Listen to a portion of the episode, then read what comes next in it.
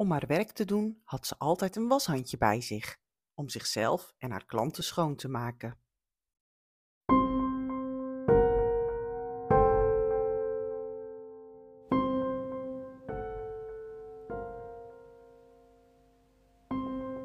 Potcrime aan Zee is dé podcast die duikt in de waargebeurde misdaad van Zeeland. Omdat ook deze gebeurtenissen niet vergeten mogen worden. Potcrime aan Zee is gebaseerd op de beschikbare feiten in het publiekelijke domein. Warning: de verhalen kunnen als schokkend worden ervaren. Mijn naam is Jessica en iedere aflevering nodig ik een sidekick uit. Dit keer zit ik hier met Salva en we bespreken de zaak De moord op de begraafplaats. Hoi Salva. Goedemiddag. Ook eh, met jou is het eh, wat nostalgisch om eh, tegenover elkaar te zitten met een microfoon. Zeker. Gaan we nog liedjes opnemen? Of, eh, Zullen we de mensen maar niet aandoen. nee. In de bosjes bij de Noorderbegraafplaats aan de Industrieweg, President Rooseveltlaan in Vlissingen, werd op 6 juli 2008 een dode vrouw gevonden. Dat heeft de politie bevestigd. De vrouw werd rond de middag gevonden. De politie heeft de omgeving afgezet. De begraafplaats is afgesloten. De brandweer heeft zeilen opgehangen om voorbijgangers en nieuwsgierigen het zicht te ontnemen.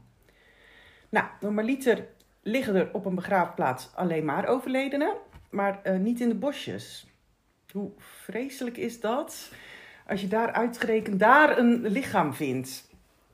Dan kom je daar in verdriet en ja. een, eh, ja. Ja, zou het door een bezoeker of door iemand die dat beheert, eh, die Oh. Dat zou ook nog kunnen, ja. Zijn. Ja, ik dacht de hele tijd een bezoeker, maar dat kan natuurlijk ook nog een eh, beheerder zijn. Het zou kunnen. Die denkt, dan heb ik meer werk.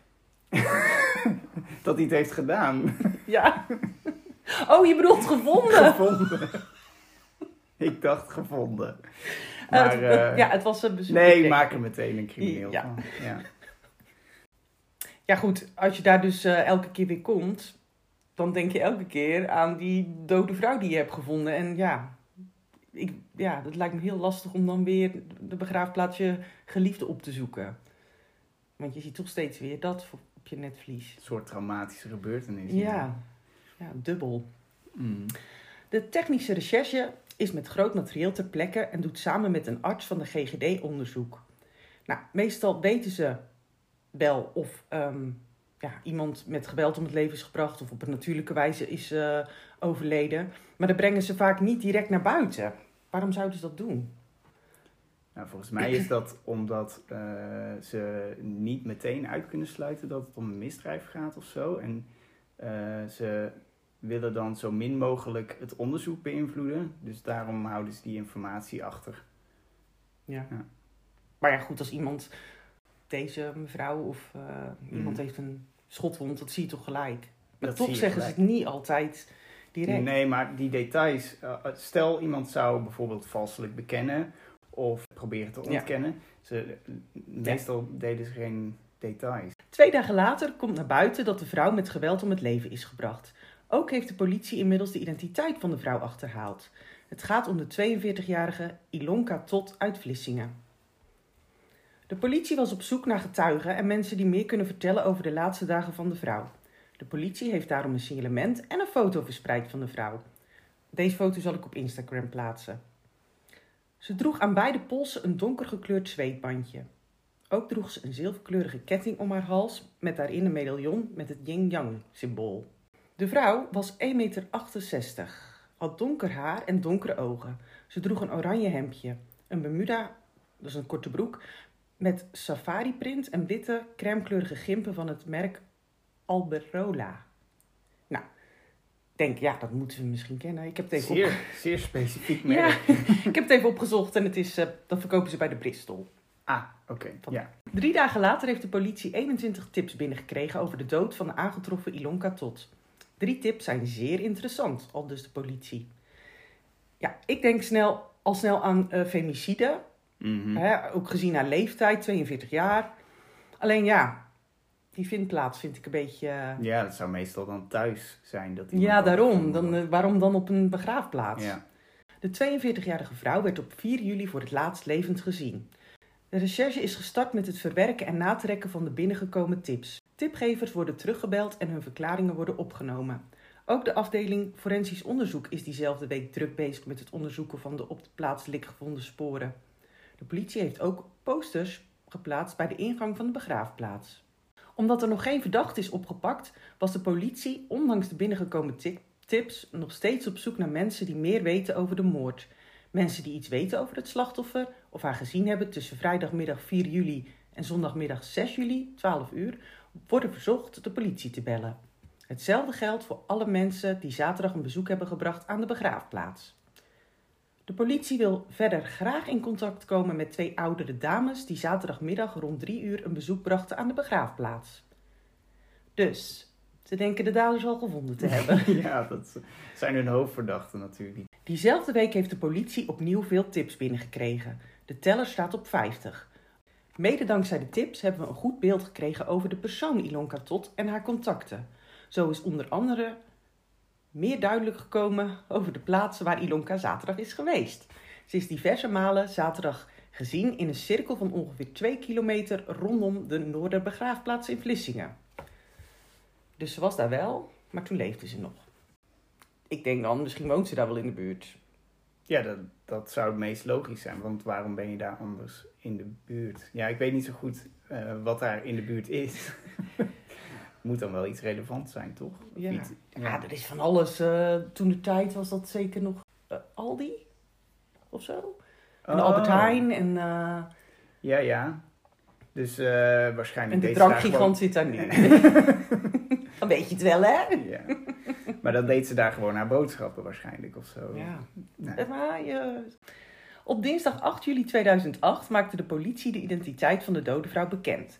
Middels verschillende getuigenoproepen in de media wilde de politie in contact komen met mensen die meer wisten over het leven van Ilonka. Zo kwam de zaak ook in het programma Opsporing Verzocht. De recherche wilde onder andere weten of mensen Ilonka nog hadden gezien in de periode van 4 juli tot en met zondagochtend 6 juli.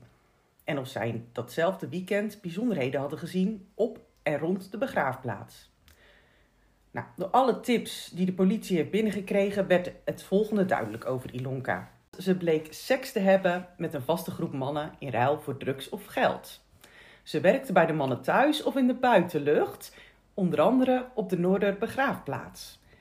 Ja. Hmm. Ja, het kan maar een fetish zijn.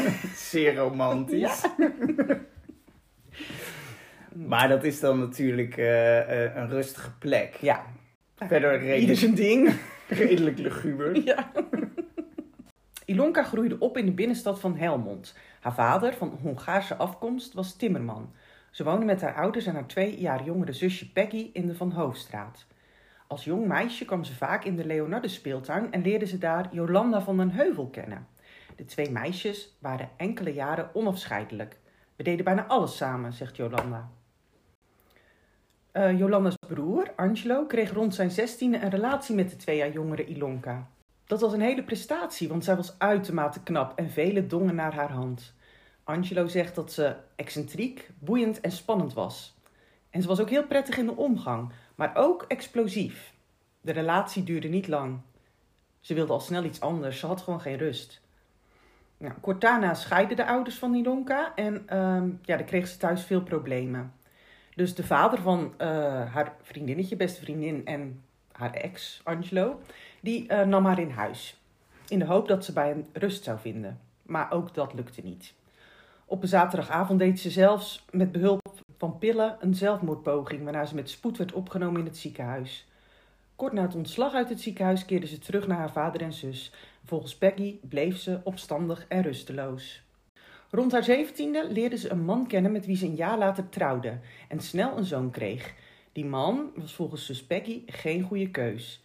Hij zat in het Venloze drugscircuit en leerde haar drugs gebruiken. En bovendien was hij gewelddadig. Ilonka bleef zo'n tien jaar bij de man. En volgens Peggy gleed ze steeds verder af. Peggy herinnert zich Ilonka als een spontaan, heel gul en heel pittig. Als klein meisje al verdeelde ze al haar frietjes. Ze heeft ook warme herinneringen aan vele reizen met haar ouders naar Hongarije, naar de familie van haar vader. Bijna elke zomer en elke kerstvakantie gingen ze naar zijn geboorteland. Dat waren altijd heerlijke vakanties. Misschien wilde Ilonka om die reden ook terug naar Hongarije. zegt Peggy, want we hadden het daar echt goed. Vast werk had Ilonka nooit. Ze leefde van een uitkering en werkte los en vast als schoonmaakster. Peggy zag haar steeds minder en minder en het contact werd echt minimaal toen Ilonka haar man verliet en met haar zoontje Nicky verhuisde naar Bavel en vervolgens naar Breda. Een enkele keer belde ze en wel stuurde ze bijna elk jaar met kerst een kaartje. Dat vind ik dan wel weer Ja. schattig, dat je dan toch kaartjes stuurt. Ja, Ja, maar ik denk dat ze het wel zich heel- wel ja, met haar familie bezig was, maar gewoon niet anders eh, kon. Ja. Ja, Ja. door die drugs. Ja. ja, precies. Nou, toen ze in eh, Breda eh, woonde, toen kreeg ze een relatie met ene Maurice. Ilonka stond in Breda bekend als zwaar verslaafd aan alcohol en drugs. Ze leefde van een uitkering en Maurice kwam aan zijn geld door in te breken en te handelen in gestolen goederen. Hij zat regelmatig vast en zei een enkele keer. De levenswijze van de twee zorgde er echter wel voor dat haar beide zoons op last van de rechtbank uit huis werden geplaatst. Ja. Dat is begrijpelijk. Ja, dat is inderdaad Ja. begrijpelijk. Maurice was eh, zeer gewelddadig en hij sloeg haar veelvuldig. Hij heeft haar zelfs een keer proberen te verdrinken in een vijver. Nou, na deze actie vluchtte ze naar Vlissingen. Dus ze heeft toch eh, eieren voor de geld gekozen. Van, ik. Samen met een vriendin maakte ze in Vlissingen plannen om haar zoons weer te ontmoeten. Haar oudste zoon was tijdens het overlijden van zijn moeder rond de 23 jaar oud. Maar ja, goed, al die tijd is niet eh, meer gezien. Samen met een oudere Vlissingse vriend ondernam Ilonka de afgelopen jaren twee pogingen om de familie van haar vader te bezoeken. Eerste keer kwam ze niet verder dan Roosendaal. Ze had toen zoveel drank en drugs gebruikt dat verder reizen niet lukte. Een aantal maanden later raakten de twee tot midden in Duitsland. Overmatig gebruik leidde er wederom toe dat ze niet verder kon reizen. Peggy is ervan overtuigd dat Ilonka diep in haar hart het liefst, net als zij, had gekozen voor huisje, boompje, beestje. Ze hield ook van knusheid, van gezelligheid. Ja, ze heeft gewoon heel veel meegemaakt. En dan komt ze nog eens zo aan haar einde. Dat is wel echt eh triest. Ja, en, en op zich heb je een soort van vergelijkende, vergelijkbare situatie Met die met, zus. eh, met die zus. Ja, De een ja, Ja, gaat vindt dat- het dus wel, vindt het geluk wel. En de andere gaat gewoon helemaal, eh, raakt het pad kwijt. Ja. Uit het beeld dat was ontstaan uit de vele tips die de politie kreeg, bleek dat Ilonka ook in eh, Vlissingen in de drugs- en alcoholscene zat. Tot was al jaren vaste cliënt van een huiskamerproject voor drugsgebruikers, HKPD. Ze leefde met twee andere cliënten in een flatje ergens in Vlissingen. Ja, dat lijkt mij ook niet echt een goede omgeving als je verslaafd bent en dan samen met verslaafden, dan ben je elkaar toch aan het versterken juist? Of, Ja, dat, dat is een beetje de vraag natuurlijk. Want je hebt ook niet zo heel veel keus. En Nee. ik denk dat ze zo'n groepsproject opzetten om mensen eh, Ja. te helpen. En dat je een beetje steun vindt bij elkaar. Maar ja, de keerzijde is natuurlijk ook dat je daar mensen tegenkomt die jou weer aan de volgende shot kunnen Ook door sectie op het lichaam van Ilonka is komen vast te staan dat er twee keer met een hard voorwerp op haar hoofd moet zijn geslagen. De tweede klap op haar hoofd werd haar fataal. In haar bloed werd onder meer alcohol, opiaten en cocaïne aangetroffen. Op de plaats delict werden twee marmeren staven gevonden. De twee staven vormden samen een grafrand. Uit onderzoek is gebleken dat de mar- marmeren grafrand het moordwapen is geweest en door de kracht waarmee het voorwerp op- het hoofd van het slachtoffer raakte, in tweeën is gebroken. De grafrand was afkomstig van een graf dat zo'n 5 meter van de plaats delict ligt. Ah, nou, dan kan dat geen omaatje zijn geweest die eh, haar... eh, Een heel sterk omaatje. was ja. ja. De politie heeft dinsdagochtend 15 juli 2008, negen dagen na de vondst, een 52-jarige man aangehouden op verdenking bij de gewelddadige dood. Aan de hand van de tips kon de politie een goed beeld krijgen van de laatste dagen van Ilonka Tot. Hierdoor kwam de aangehouden man als verdachte in beeld. De politie wist Anthony B.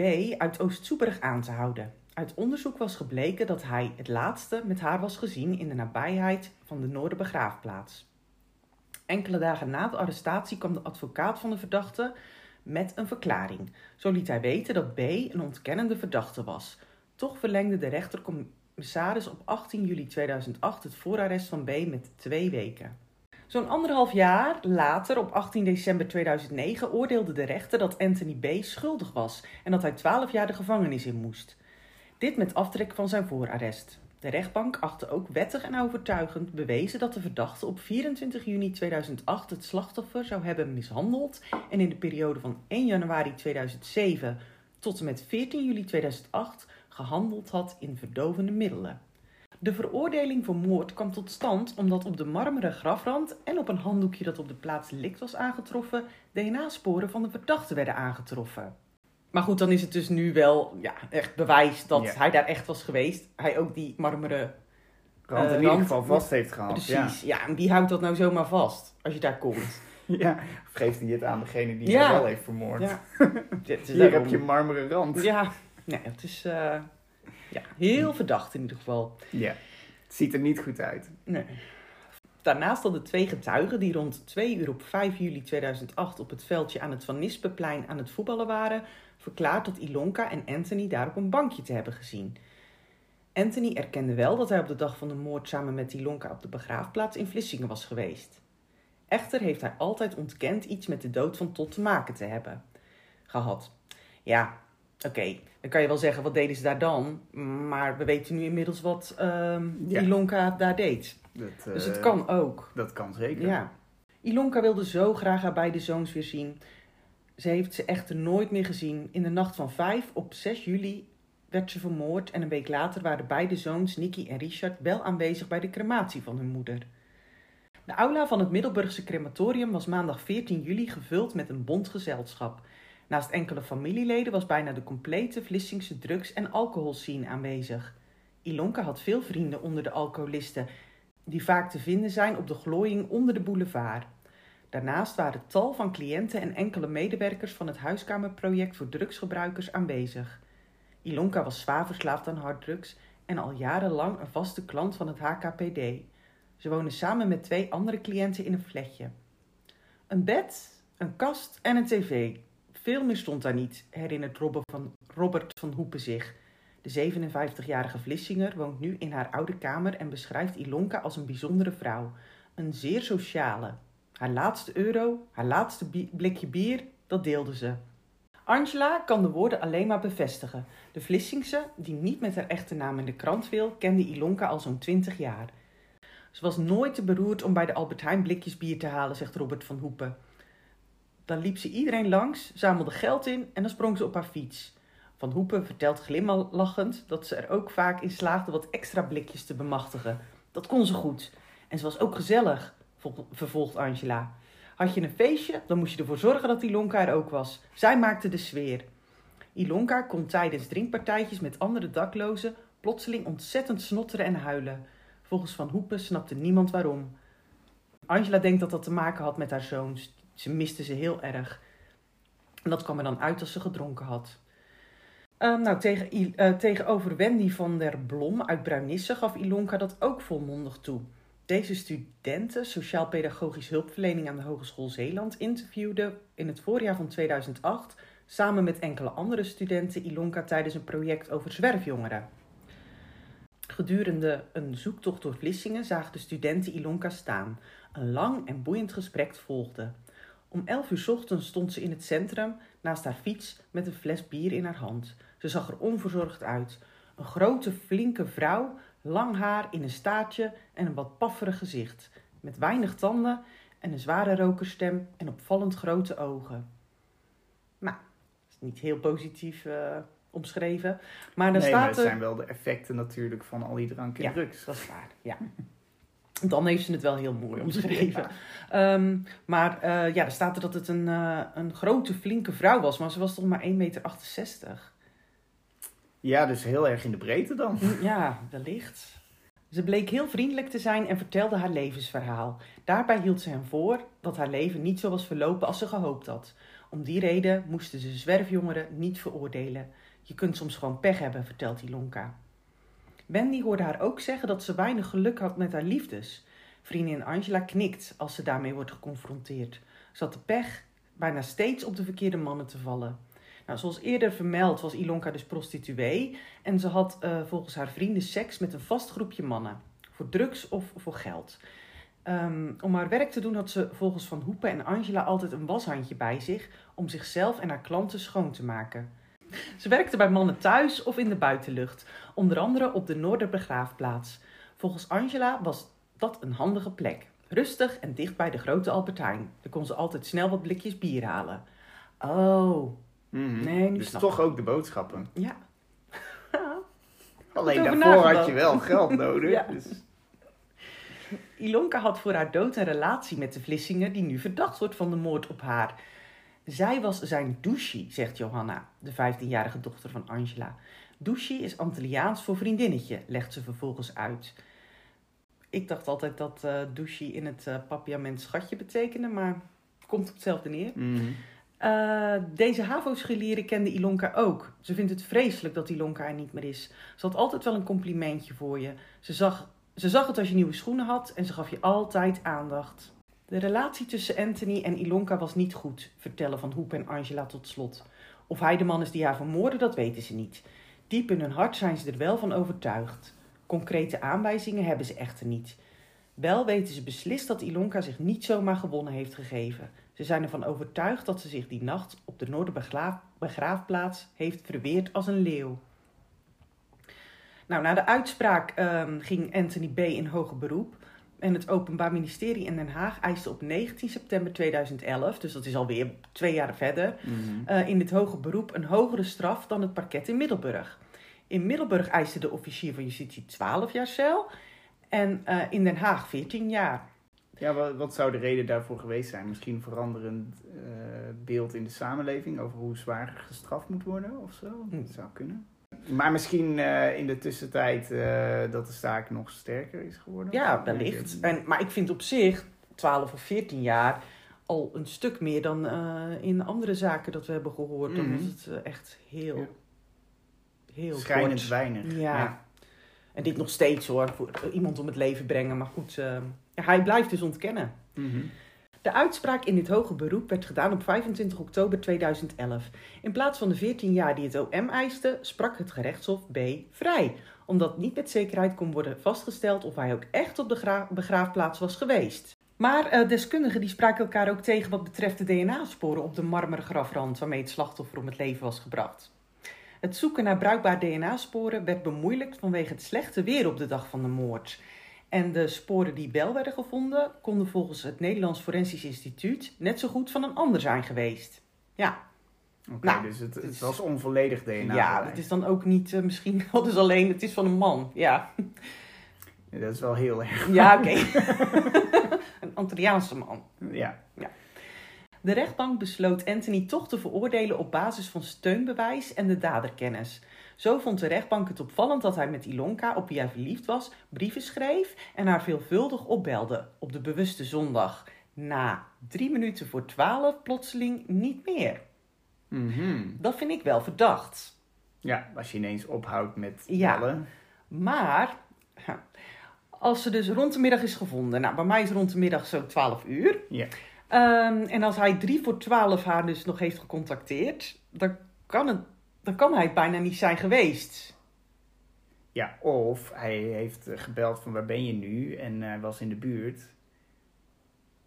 Ja, maar als die is dan ja, er misschien... naartoe gegaan. Ik bedoel, eh, rond de middag kan ook rond één uur zijn. Dus het ligt gewoon heel dicht bij Oh, elkaar. ja. Het tijdstip Ja, maar haar even voor het kijken- laatst heeft gebeld. Maar het kan natuurlijk ook zo zijn dat hij eh, op de hoogte is gebracht eh, van haar dood. Of dat ze is gevonden. En ehm, ja, dat hij daarom niet meer heeft gebeld. Ja, waarom zou je dan nog bellen? Als je dan... Hè, stel hij is onschuldig, dan gaat hij ook niet meer bellen. Nee, dat is waar. Maar dan zou hij dat meteen moeten hebben geweten. Ja. Of dat belletje van 3 voor 12 was een misleiding. Dat, Dat hij ook. dacht, nou, dat hij er net had eh, neergeslagen, denkt hij, oh, ja, ik weet niet hoe je dat kan eh, als je net iemand hebt eh, vermoord. Maar en dat je dan gaat bellen, zo van, nou, dan ben ik het in ieder geval niet geweest. En daarna hoefde hij niet meer te, Hmm. nou, of zo. Ja. Ja. zou je die tegenwoordigheid van geest hebben als je Anthony was? En je, je hebt net iemand neergemet met een, eh, met een marmeren grafrand. Geen idee. niet. Ja, je weet het niet. Sommige mensen zijn zo koelbloedig. Ja, dat is waar. Ja. Ah, nou ja, goed. Wel is Anthony eh, veroordeeld voor de handel in verdovende middelen en een mishandeling enkele weken voor de dood van Ilonka. Daar kreeg hij negen maanden cel voor. En deze straf hoefde hij echter niet uit te zitten omdat hij tijdens het onderzoek al ruim drie jaar had vastgezeten. Het Openbaar Ministerie liet in november 2011 weten de vrijspraak van de op dat moment 56-jarige Anthony B. voor de moord op Ilonka Tot niet aan te vechten bij de Hoge Raad. Volgens het OM bood de vrijspraak van het Haagse Hof onvoldoende aanknopingspunten om naar de Hoge Raad te gaan. De aangeklaagde instantie zei toch niets anders te kunnen dan zich erbij neer te leggen. En dat kwam omdat het OM wel vond dat er voldoende overtuigend bewijs was, maar het gerechtshof vond dat van niet.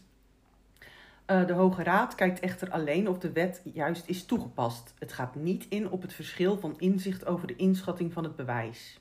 Dit uh, was de zaak. Anthony, of ja, de, de, de dader, als Anthony het niet is, loopt nog steeds vrij rond. Ja, en als het Anthony wel is, dan is hij ja. misschien wel, uh, nou ja, in ieder geval vervroegd vrijgesproken. Ja, dan heeft dus... hij ook maar drie jaar gezeten. Dus dan komt het eigenlijk neer op de uh, straffen die in vorige zaken hebben gezien. Ja, ja. dus voor, voor Ilonka is het sowieso uh, tragisch. Ja. Want, uh, ja. ja, heel sneu. Zij heeft het ook niet verdiend om doodgeslagen te worden. Nee, niemand. Nee. Kende je de zaak al? Dat komt me wel vaag bekend voor, ja. Ja. Het is natuurlijk ook best een happening. Zo Zeker. dicht bij huis en dan op een begraafplaats. En, ja. ja. Oké, okay, nou dan uh, wil ik je bedanken. Ja, voor dankjewel. De, het was de leuk. sidekick te zijn. leuk om erbij te zijn. Ja. En uh, tot de volgende keer. Tot de volgende keer.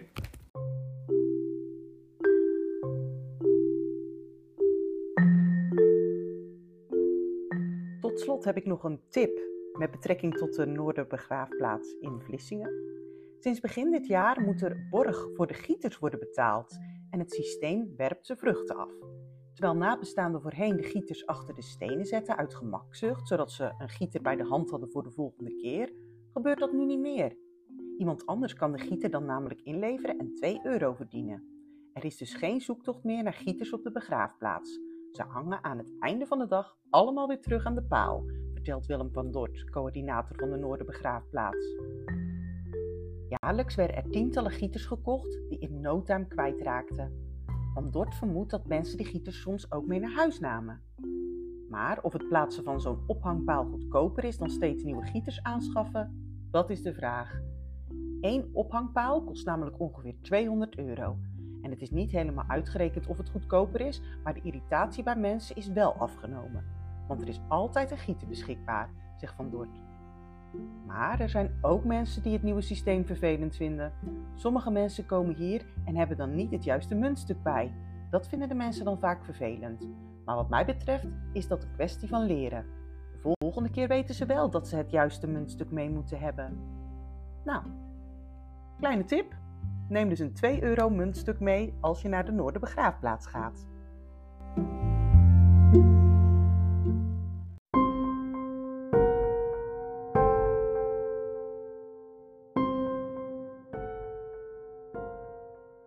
Graag wil ik hierop wijzen dat het beeldmateriaal die bij de afleveringen hoort te vinden is op het Instagram-account potcrime laagstreepje aan laagstreepje zee.